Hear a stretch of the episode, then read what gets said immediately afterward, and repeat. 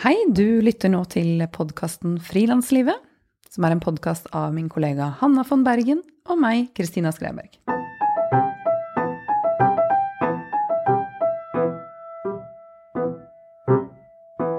I dag er jeg i Bodø, og her skal jeg snakke med Anki Gerhardsen. Anki er frilansjournalist og teater- og kunstkritiker, og er prosjektleder i det russisk-norske journalistnettverket Barents Press. Hun er 51 år, fra Oslo, men flyttet for 29 år siden til Nord-Norge. Hun har de siste årene markert seg som en uredd mediekritiker fra nord i spalten Medierevisjonen i Aftenposten. Hei, Anki. Hei, hei. Du, nå sitter vi i, på ditt kontor her eh, i Bodø, eh, jeg, som er eh, litt sånn i tilknytning til Nord universitet, selv om ikke du jobber her. Mm. Men du har jobbet her, ja, har du ikke det? Mm. Og jeg i dag er her fordi jeg har, blitt, eller jeg har holdt en, et foredrag og en workshop om å bygge egen merkevare som frilanser. Og da måtte jeg jo spørre deg om vi kunne møtes mm. i samme slengen. For som frilanser må man liksom maksimere potensialet mm. for reisende hver gang, føler jeg i hvert fall. Eh, da jeg forlot studentene nå, så fortalte jeg at jeg skulle intervjue deg. Og så kom en av dem bort til meg etterpå og sa at han eh, en gang skrev et, eh, en, en fanmail til deg. At han virkelig var Altså beundret deg, da. Og hvorfor han beundret deg, er fordi du liksom holder mediene i nakken, som han sa. Og du er ikke en som går med flokken. Okay. Det var jo hyggelig å høre. Ja, ikke det helt hyggelig at det blir lagt merke til blant ja. studenten også. Mm. Han refererte spesielt til et innlegg du skrev om bloggeren Sofie Elise. Hvor du stilte spørsmål ved den makten hun har, og at ikke flere medier er kritiske til henne. Mm. Kan ikke du uh, fortelle litt om den saken? Og om engasjementet ditt? Mm. Den, det er noen år siden nå. Den der, det var før jeg begynte å skrive for Aftenposten. Da skrev jeg litt av og til for journalisten. Ikke på noe fast grunnlag, men bare når jeg selv eh, fikk lyst. Og ja, jeg skrev den fordi jeg over lengre tid hadde sett at pressen var veldig opptatt av å heie på Sofie Elise Isaksen. Eh, helt ukritisk. Det, det, jeg fornemma at de forholdt seg til henne som om hun skulle være en slags ungdomsjente som satt på rommet sitt og bare skrev noe som tilfeldigvis kom ut i offentligheten. Så det var liksom ingen kritiske spørsmål til innholdet på den bloggen hennes, og man tok heller ikke høyde for at hun faktisk var en svært suksessrik forretningskvinne som hadde flere følgere enn det flere av de største avisene i Norge har. Så det var derfor jeg skrev, da. Eh, men eh, jeg hadde ikke regna med en så enorm respons da, som jeg fikk av, i alle avskygninger, kan man kanskje si. Det, kan, det er mulig at den eh, kommentaren der gjorde meg mer synlig enn jeg kanskje hadde vært som kommentator før det. Hvordan var det å bli så synlig? Eh, det var en eh, bratt eh, læringskurve. Det var en heftig uke. Jeg publiserte på en mandag, og resten av uka gikk bare med til å svare journalister og stille opp i intervjuer og fordøye hva jeg egentlig var med på. Og også gå noen runder rundt på stuegulvet og lure på om jeg hadde vært for skarp, om kritikeren hadde rett i noe av det de sa, så det var en Ja, det var en spesiell uke. For å oppsummere så uh, sto jeg, og står jeg for det jeg skrev, og mener fortsatt at det var en, en høyst berettiga kritikk da, som jeg kom med, og som jeg ser ja, at i etterkant har resultert i et mer kritisk blikk på uh, disse mest suksessrike rosabloggerne. Det syns jeg er bra. Veldig bra. Når du da går rundt på stuegulvet og har litt sånn hetta for hva du har satt deg selv i, hvordan, ehm, hva gjør du da? Det, lufter du det med noen? Har du noen mm. kollegaer du snakker med, liksom? Mm. Hvordan håndterer du den litt sånn rådvillheten? Ja, jeg snakker med folk. Eh, Flere, altså, jeg snakker med venner eller kollegaer som jeg vet forstår noe av mediedynamikken, og som jeg kan en del av det sjøl. Jeg har liksom noen som er godt rutinert innafor det samme, da. Eh, så ja, det er egentlig det. Snakke med folk, og tenke selv òg. Man kan alltid gjøre feil, ikke sant.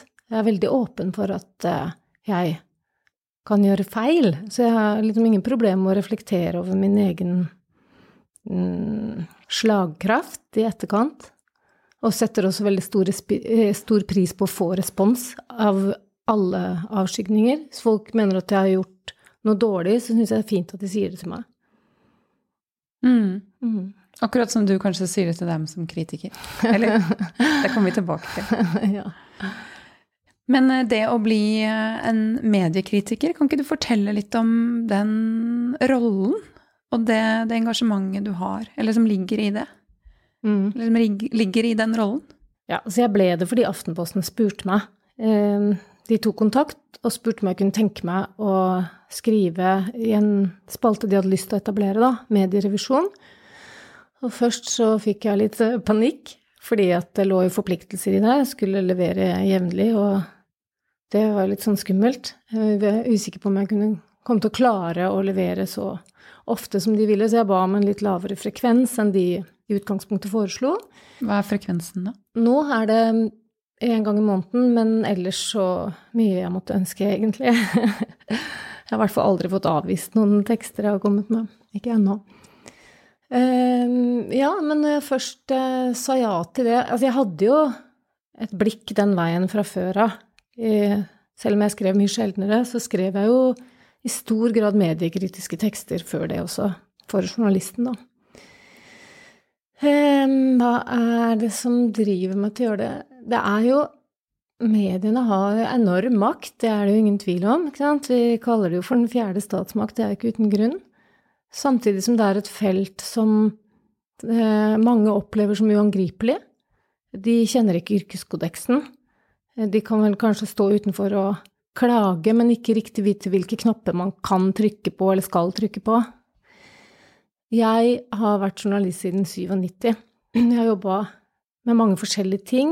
Jeg har jobba i lokalpresse, jeg har vært med å starte avis, jeg har leda Svarte Natta, som er en stor mediefaglig konferanse, jeg har undervist på journalistutdanninga i fire år og har utdanna meg. Så jeg har liksom et bredt blikk inn i mediene vet hvordan det fungerer, da. Og den Jeg ser, har liksom også sett at det har vært et stort behov for mediekritikk.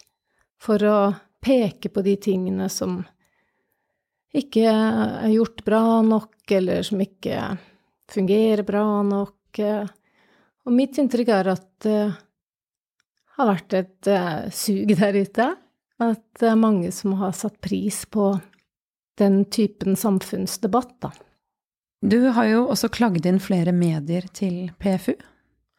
Dette fordi mediene i løpet av metoo-bølgen identifiserte en professor fra Universitetet i Stavanger som hadde sendt litt sånn på kanten-meldinger eh, til flere kvinner.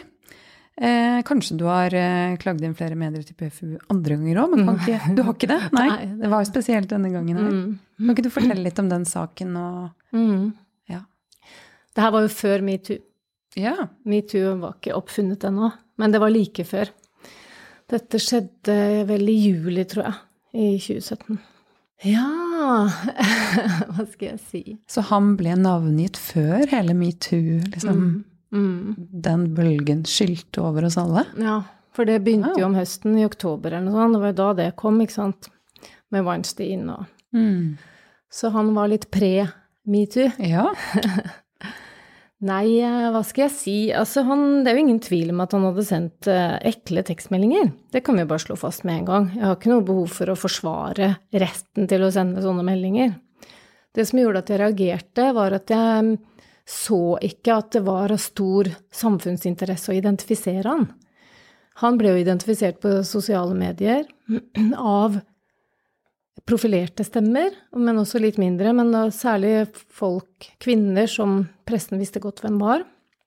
Det ble delt, og det ble kommentert, og jeg tror at hadde det ikke vært for det, for den delingen på sosiale medier, den outingen på sosiale medier, så hadde ikke pressen satt navn på han, altså. Så der Det her vil de sikkert si mot meg på, de som gjorde det, men jeg tror at det var en sterkt medvirkende årsak til at de um, identifiserte han. Ja, det blir jo en offentlig gapestokk, da. Når uh, mm. man identifiseres for mm. noe som ikke nødvendigvis er en fare for samfunnet, hvis man kan si det sånn.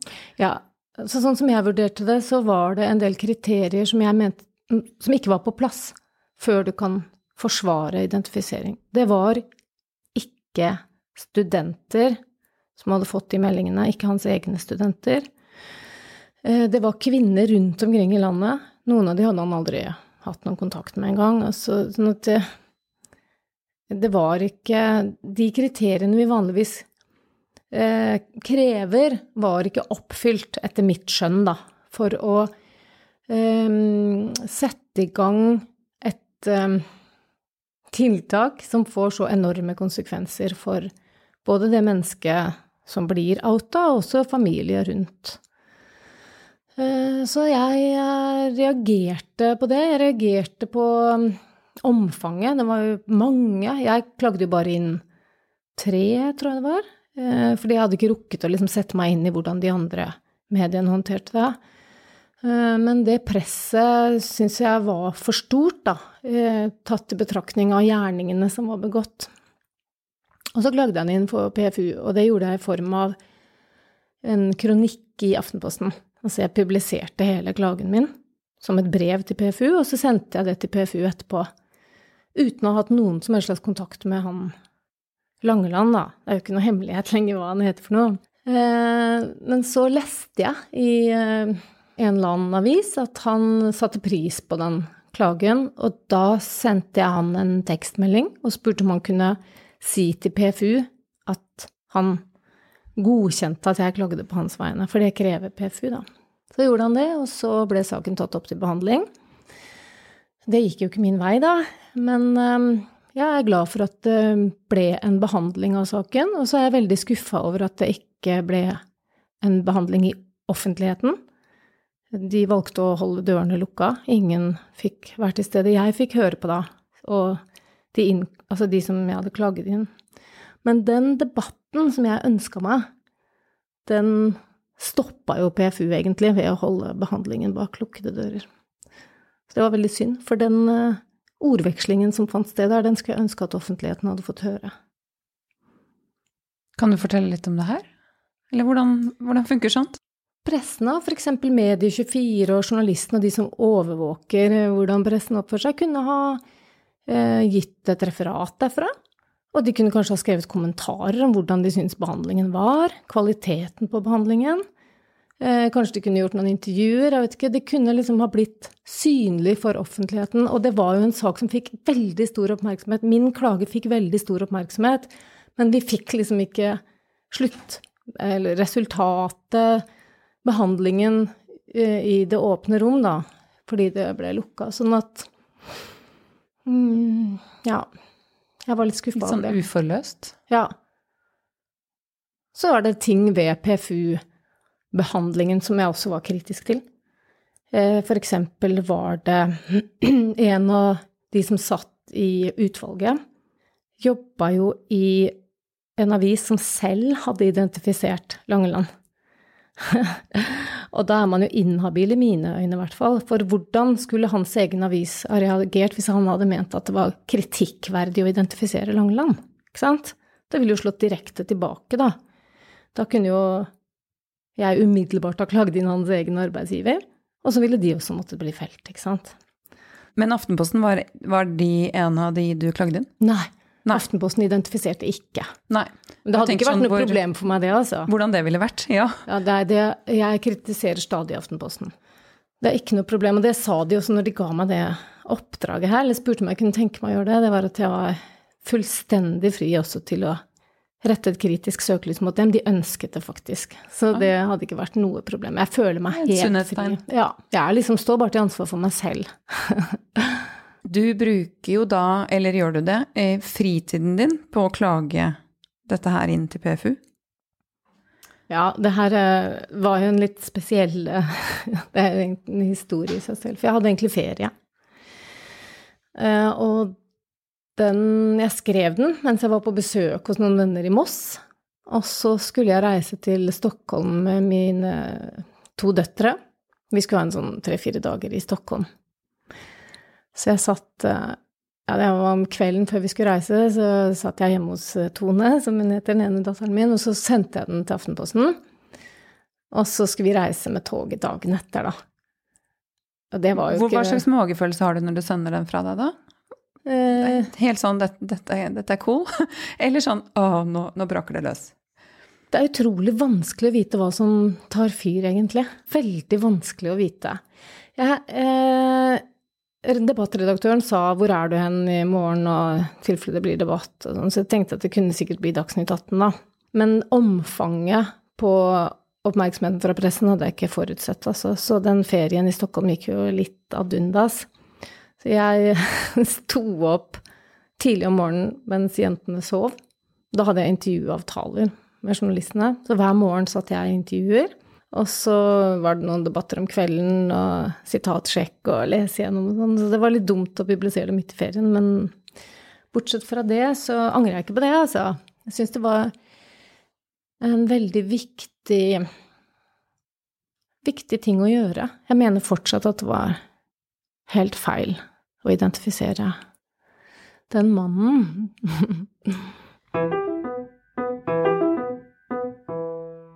Men du er jo litt sånn eh, kjempe, Eller kjemper andre menneskers saker, da. Litt, eller i hvert fall i denne sammenhengen. Eh, er det sånn i kraft av den mediekritikeren du er?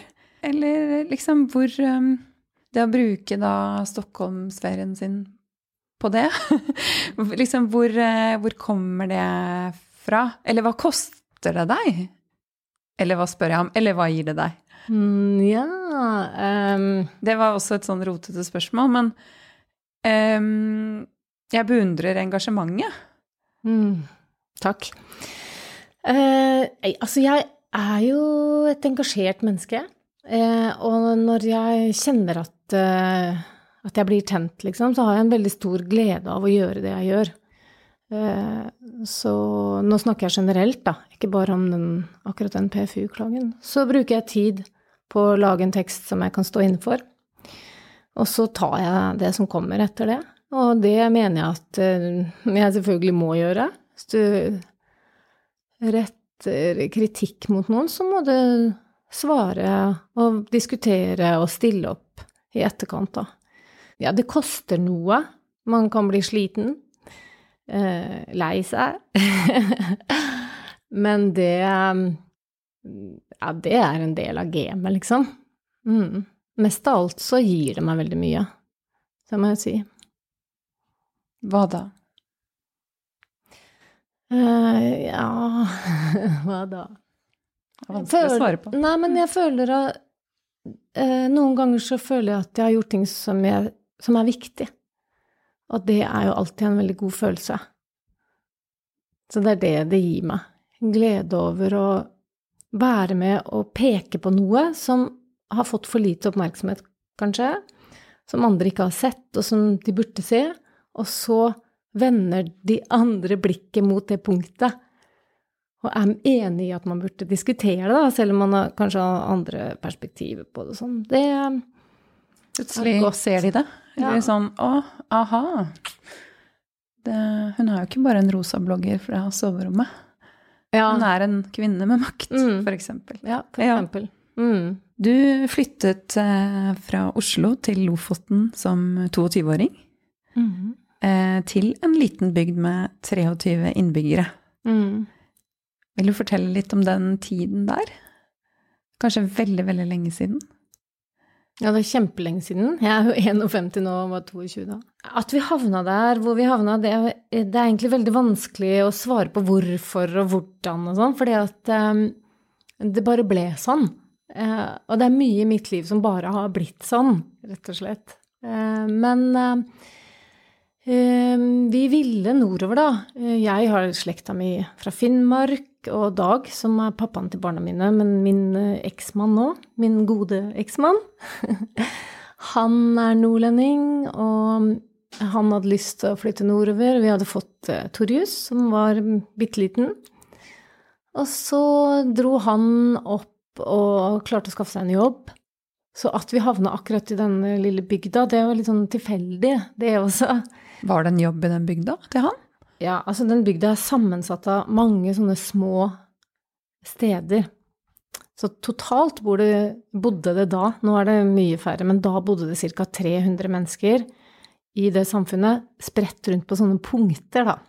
Og akkurat på Årsteinøy, hvor vi etter hvert fikk oss et hus, ikke, begynne, ikke med en gang, men etter hvert, der bodde det ja, par 23 stykker, da. Men han jobba på et lakseoppdrett en stund. Mm.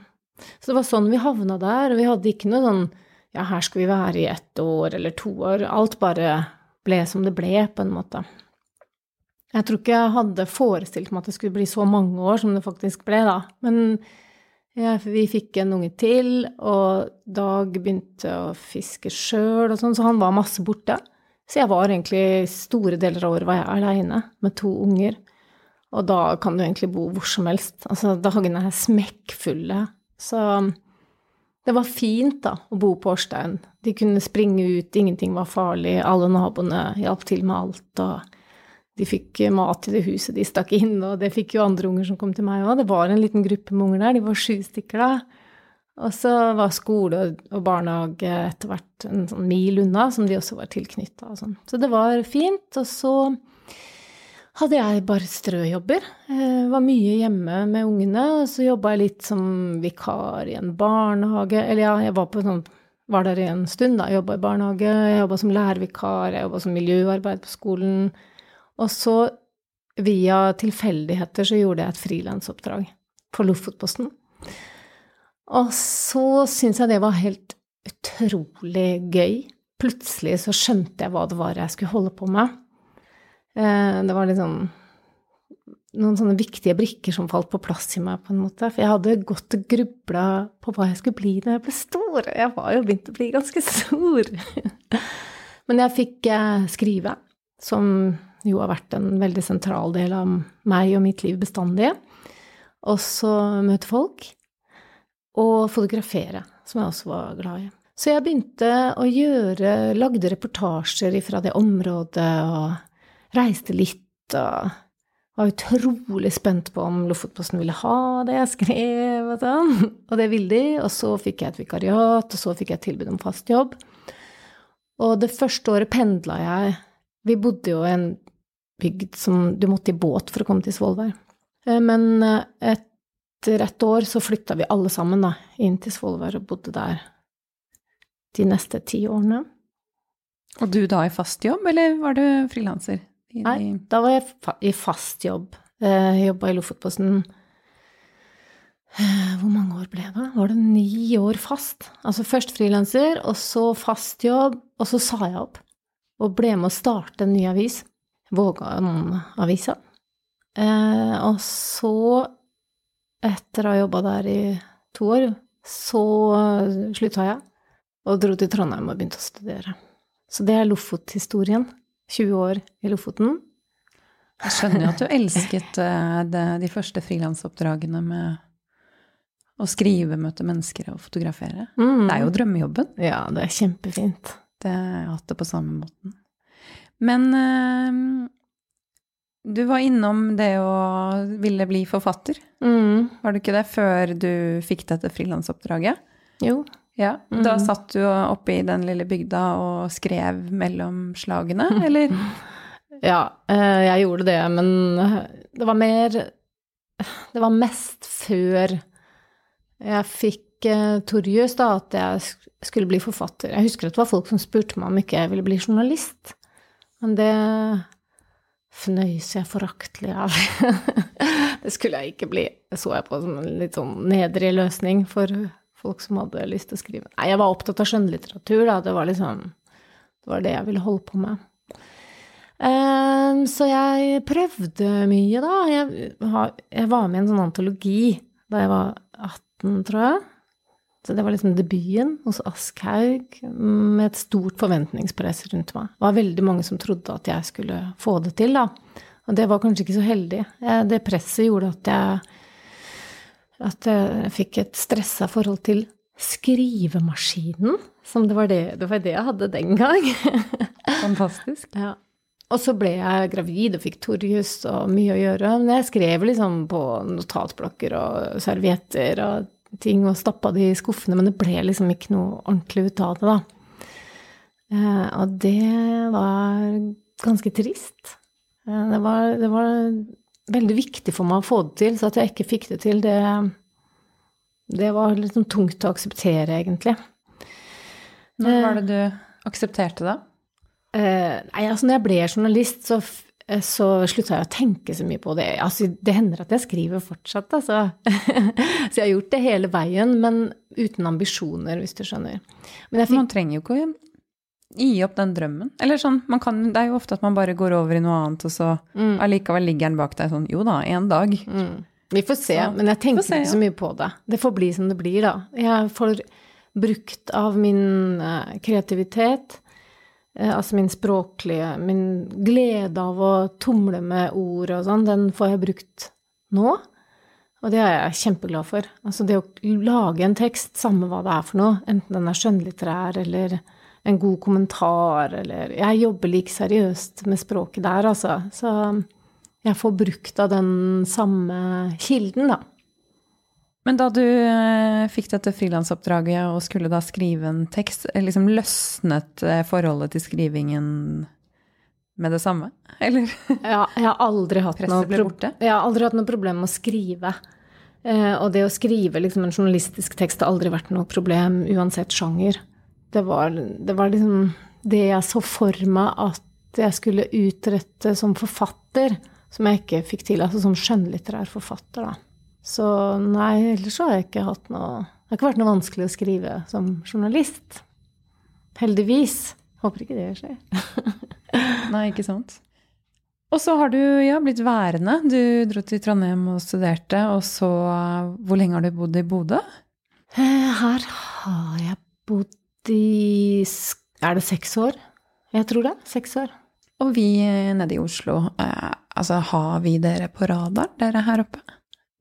Føler dere at vi liksom Blir du glemt her du sitter oppe i Bodø, eller er det Føler du at du liksom er en del av eh, ja, det journalistiske miljøet?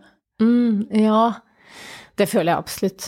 Eh, Men jeg, jeg har et veldig sånn stort eh, område som jeg beveger meg i, både geografisk og også innenfor medieverdenen. Jeg skriver i forskjellige aviser. Eh, og den tilknytningen til Aftenposten gjør også at jeg er på den nasjonale arenaen, ikke sant. Så hvis jeg skal snakke for meg selv, da, så føler jeg meg absolutt nok synlig. Kan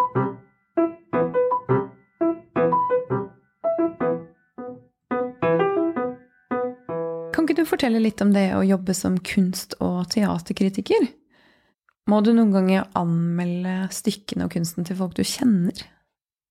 Lurer jeg på. Nei, ja, det gjør jeg ikke. Jeg er veldig opptatt av habilitet, så det gjør jeg ikke. Og grunnen til at jeg ikke anmelder, eh, eller at jeg ikke kjenner så godt de jeg anmelder, er at jeg passer på å holde avstand. Jeg jobber jo i Nord-Norge, men jeg jobber i hele Nord-Norge.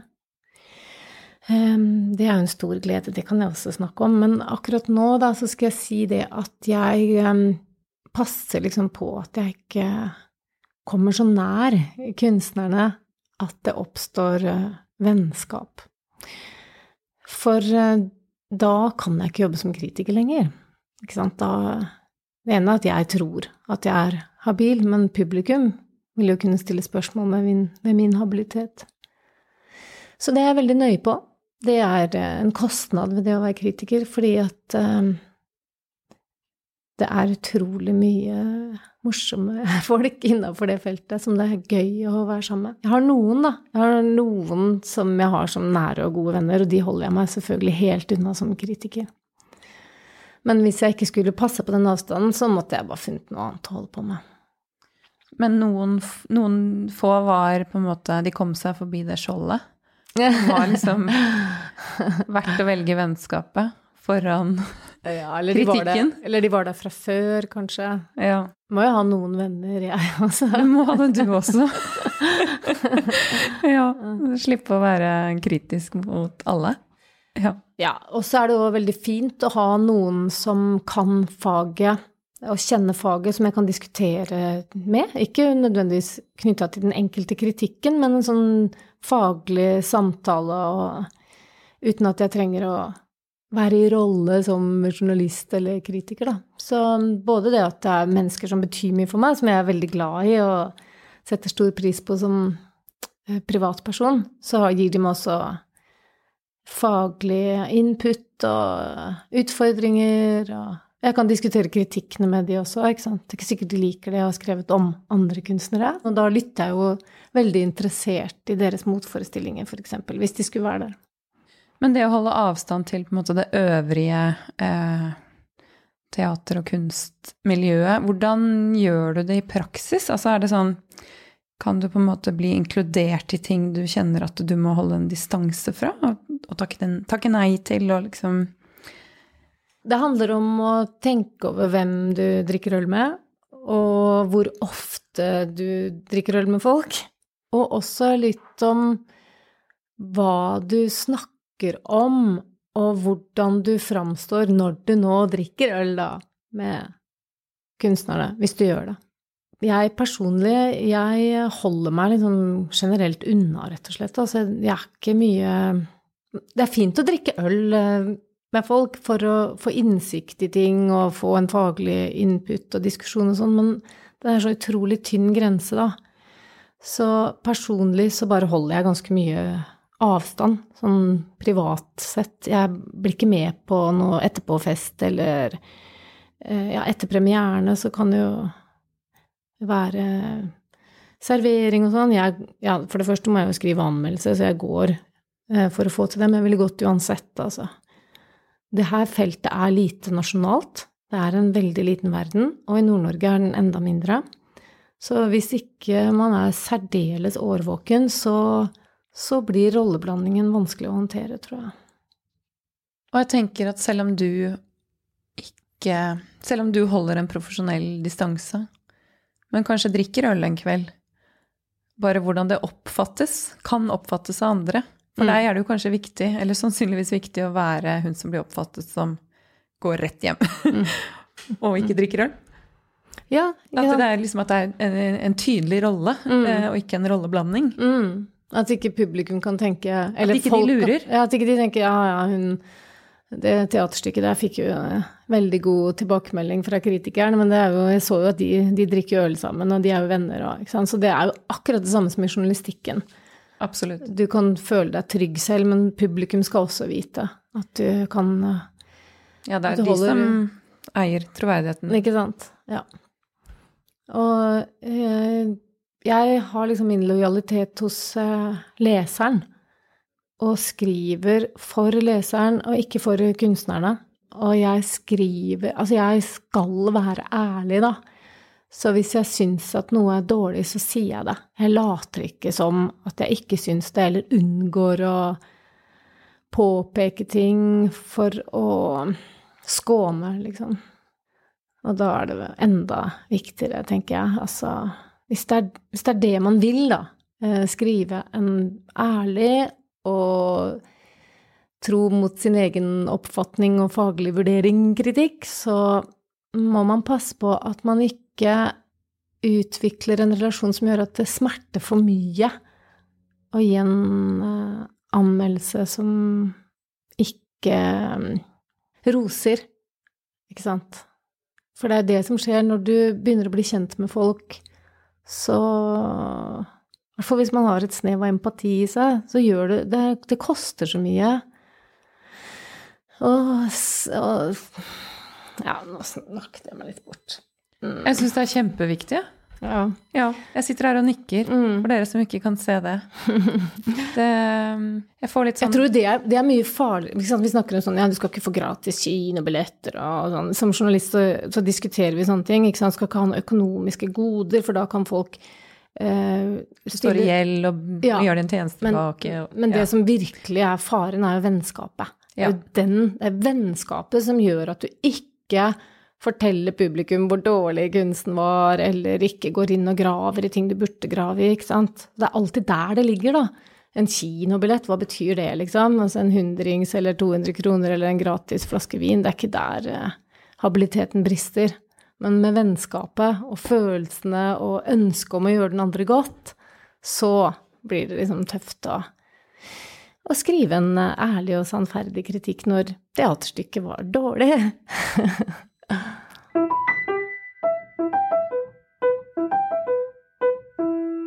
Ja, jeg har lest et sted at du aldri vil stryke medhårs, men at du også frykter å bli oppfattet som en gneldrekjerring. Mm.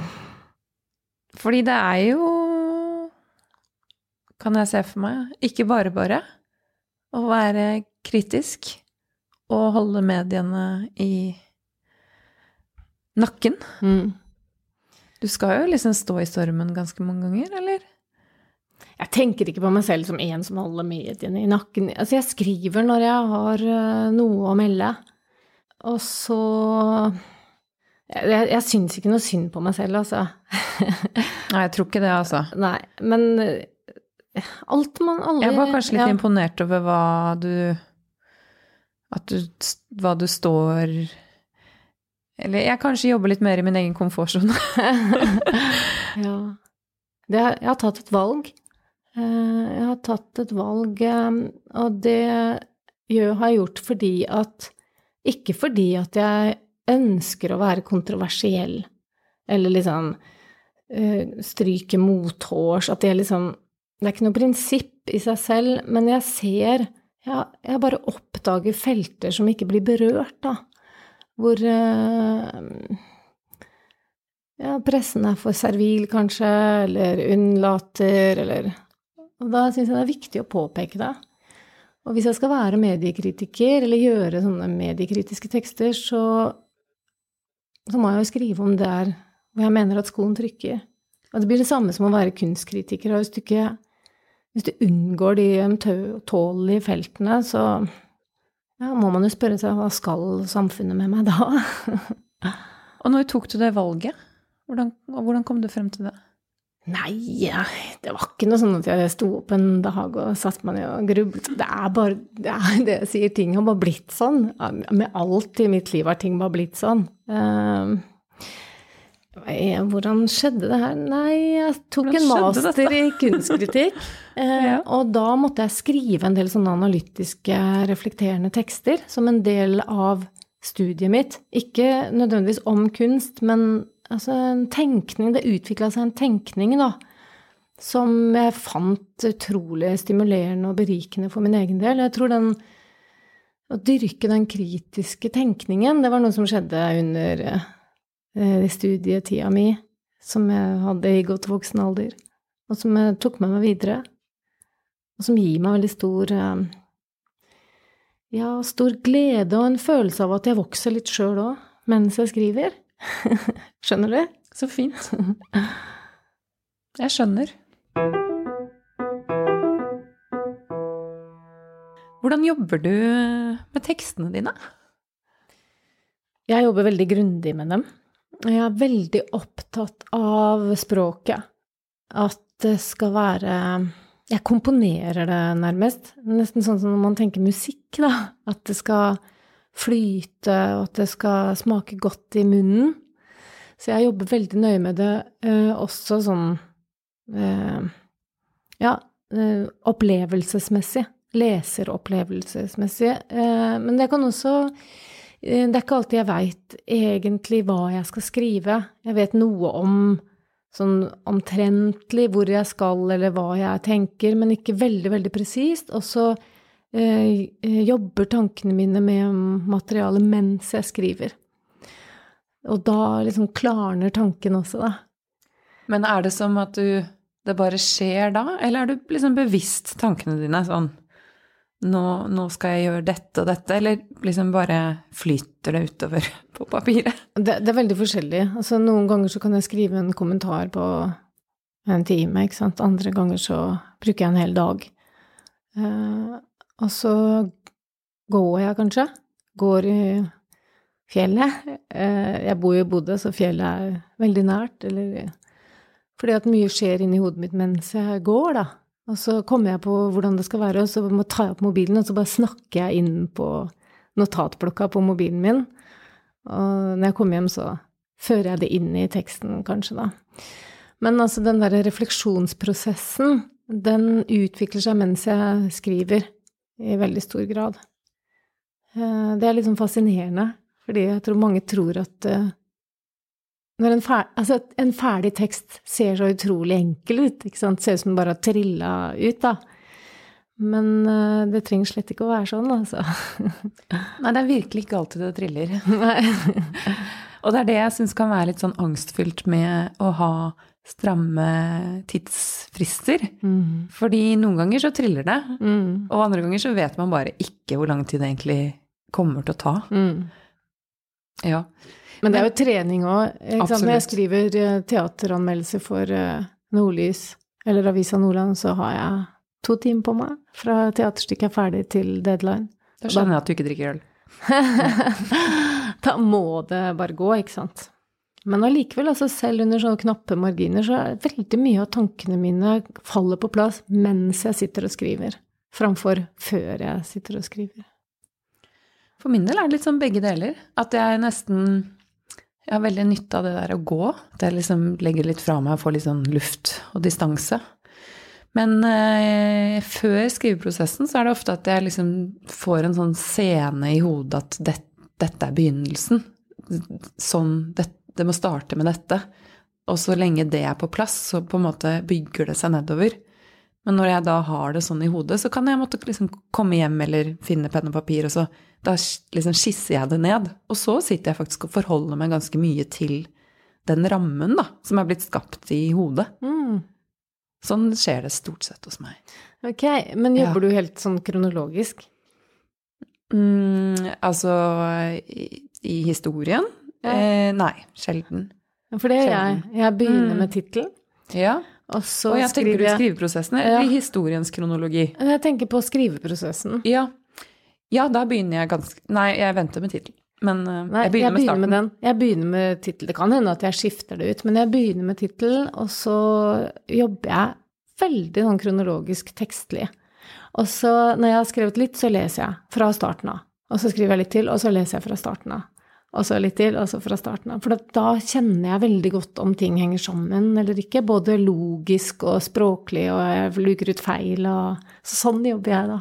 Jeg gjør også, går tilbake til start. Så starten har jo blitt lest kanskje 50 ganger, ja. og slutten har blitt lest tre, kanskje. Ja. ja nesten. Mm. Men eh, jeg var på et skrivekurs med forfatter Helga Flatland, og hun eh, rådet til at man ikke går tilbake til start. At man starter der man slapp, sånn at man liksom ikke hele tiden Ja, eller at man beholder flyten sin, da. Der du var, fortsetter du neste dag. Eh, så vi gjør jo litt sånn mot hennes råd, da. Men det kommer litt an på hvor lang tekst du skal skrive. Ja, det gjør nok det. Hvis du skal skrive en hel roman, så blir det litt hardt. Så kan du ikke starte for fra hver gang. Nei. Det er, og det er liksom det store mesterstykket, da, tenker jeg, når man klarer å skrive en roman. Og da lurer jeg litt på sånn hvordan man klarer å holde hele dette rigget i hodet. For jeg, jeg liker å ha det litt sånn i hodet først. Ja. Selv om det absolutt blir ombrokert noen ganger. Men eh, det er liksom mye som skjer der. Ja. ja. Så noen ganger trenger man ikke all verdens tid til å skrive ut hvis man bare har reflektert en del over det først. Sånn er det i hvert fall for meg. Ja, det er der eh, folk er litt forskjellige. Det er veldig mm. morsomt å høre eh, hvordan eh, skrivende mennesker jobber med tekst, da. Enig. Hvor mye jobber du? Da vi kom inn her, så sa du at du hadde litt vondt i hodet i dag. Fordi du jobber jo ganske mye, sa du. Mm. Hva er mye? Ja, jeg jobber veldig mye. Jeg har et meget tynt skille mellom jobb og fritid. Og jobber ofte i helgene uten at jeg da tar meg noe fri eh, dagen etterpå. Så mm, det er ikke mye fritid i dette livet her, da. Men eh, jeg er jo veldig glad i det jeg holder på med. Og jeg holder på med veldig mye forskjellig. Jeg gjør mye mer enn bare å skrive tekster. Så eh, jeg har det gøy. og er glad og opplever en sånn selvutvikling hele tiden som gjør at jeg ikke syns det er så farlig at jeg har litt lite fritid.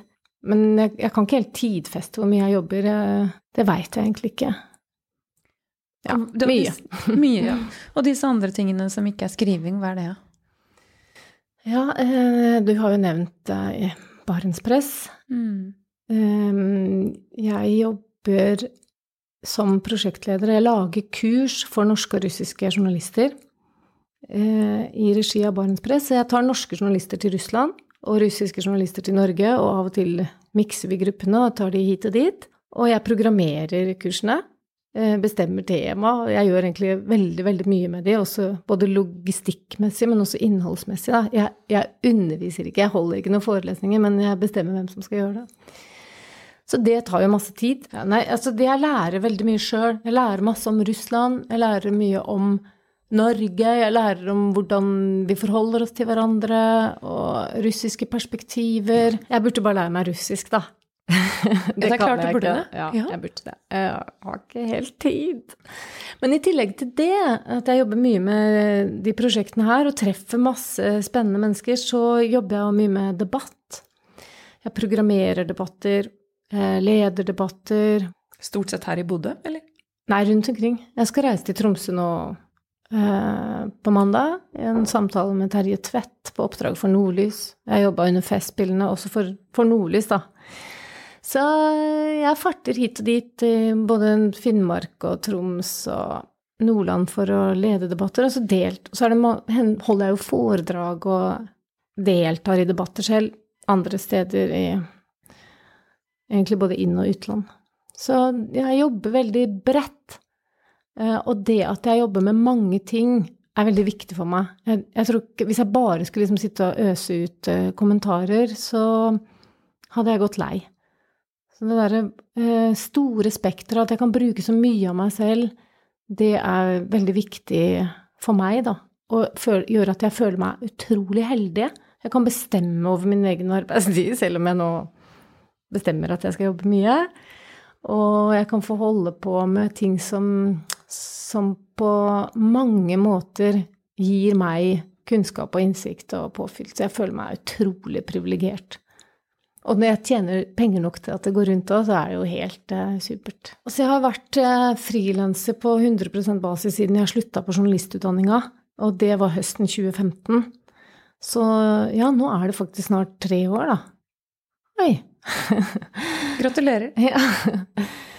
Uh, ja, Aftenposten har hatt mye å si, men uh, alt du gjør som funker, genererer nye muligheter, ikke sant. Det er sånn det er, da.